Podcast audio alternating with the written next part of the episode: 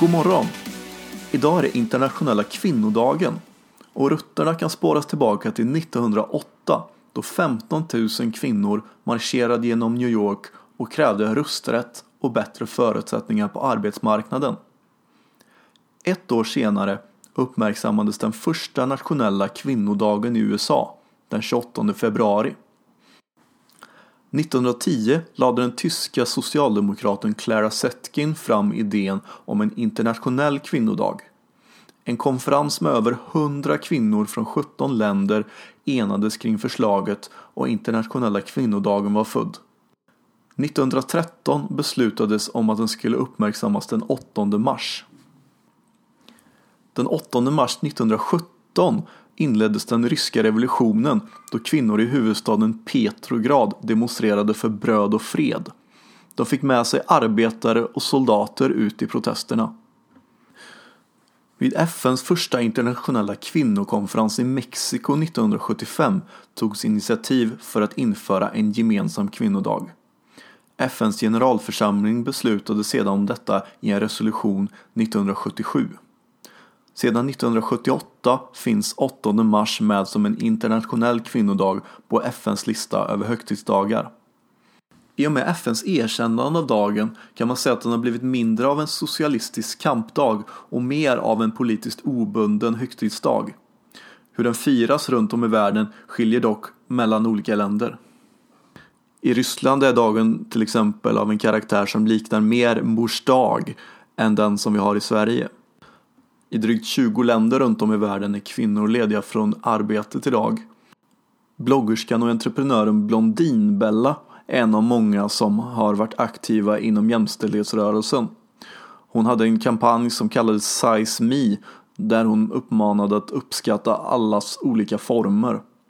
Anledningen till att jag tar upp just henne är för att hon faktiskt fyller 10 000 dagar idag. Undrar om hon själv vet om det. Om du också är född på senhösten eller vintern 1990 så är det snart din tur också. Om du är född på sensommaren 1993 så fyller du snart 9000 dagar. Och så vidare. Det är något spexigt att skriva upp i kalendern. Nu ringer en väldigt speciell gäst. Hej, det är Frida. Hej Frida! Hallå! Du, du sitter på eh, väldigt speciell kunskap om det här området.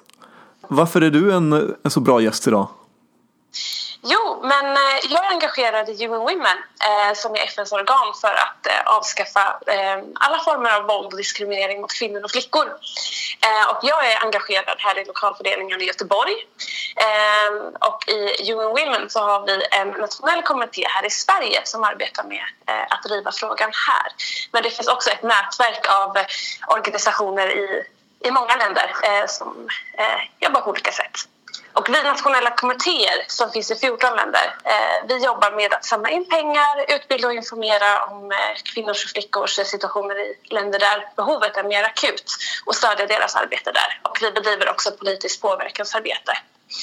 Vad fick dig att, att gå med?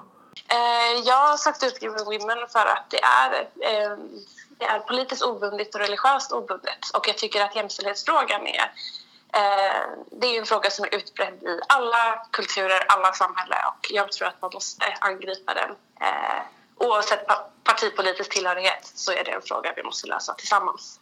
Mm. Vad, vad är det för typ av eh, aktiviteter ni gör?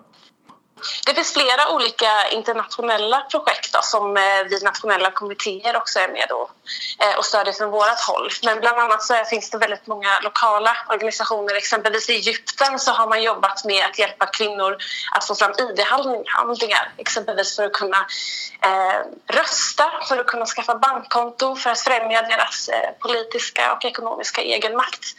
Eh, det kan också vara att man utbildar fredsmäklare som man har gjort i bland annat Burundi. Eh, så det finns många exempel på internationella projekt som pågår. I det arbetet som ni har gjort, vad har du sett att det har gjort för skillnad? Men ett av våra största uppdrag är ju att sprida kunskap om kvinnokonventionen eh, som, som antogs av FN 1979. men lite intressant är att av de 188 länder som har antagit eh, konventionen idag så är USA ett av länderna som inte har gjort det. Eh, så att eh, det finns fortfarande mycket att göra.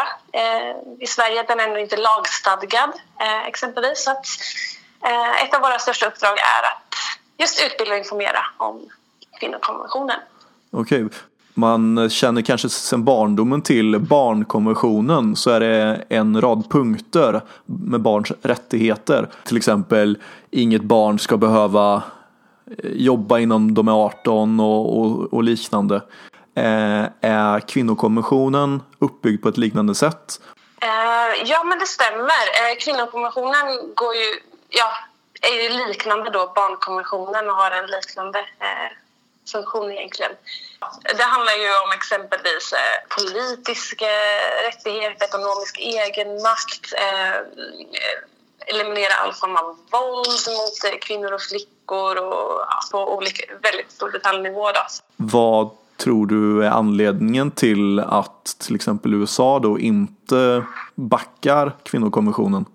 Varför eh, USA inte backar den så eh, kan jag bara spekulera. Men man, det finns en utveckling i USA då, om man tittar på exempelvis eh, World Economic Forums Gender Gap Index så kan man se att eh, USAs jämställdhetsindex har, har sjunkit de senaste fyra åren vilket jag tycker signalerar en väldigt oroväckande utveckling. Och, och det visar också varför det här arbetet som UN bland annat gör eh, för jämställdhetsfrågan är en angelägenhet eh, globalt.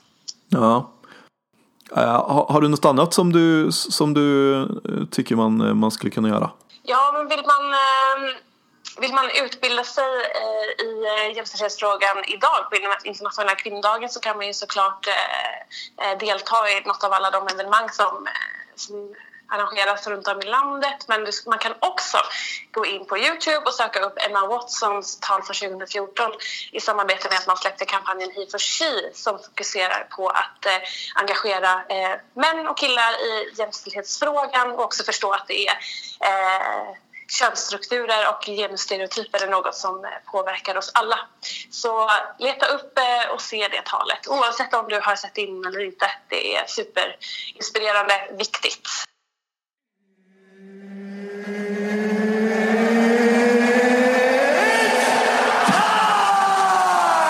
För dagens fantastiska anekdot.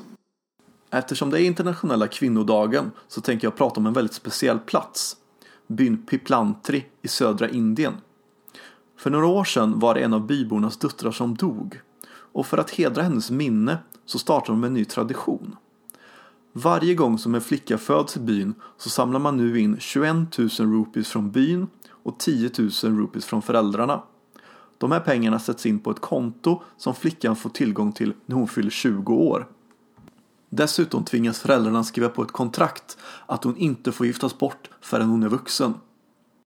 De 31 000 rupees som har sablats in motsvarar ungefär 4 000 svenska kronor. Och de här gör att hon inte behöver giftas bort och de gör dessutom att hon får utbildning. Vår favoritprofessor Hans Rosling har pekat ut de här två punkterna som nyckelfaktorer till att få ner barnafödande. Pengasparande och kontraktskrivande är inte de enda initiativen som har tagits. Varje gång en flicka föds planteras 111 träd. I planteringsområdet har man förbjudit bete och man har planterat ut aloe vera kring träden för att motverka termiter. Efter ett tag så insåg man att aloe vera var eftertraktad och man kunde börja marknadsföra och sälja produkter med aloe vera. Det här har gett en inkomst och jobb åt kvinnor i byn. Och tillsammans med ett annat initiativ i byn att förbjuda alkohol så har brottsstatistiken sjunkit radikalt. Enligt byborna själva så har det inte varit ett poliscase i byn på åtta år. Det var dagens avsnitt. Gå nu ut och var riktigt snälla mot varandra så hörs vi imorgon igen. Ha det gott. Hej!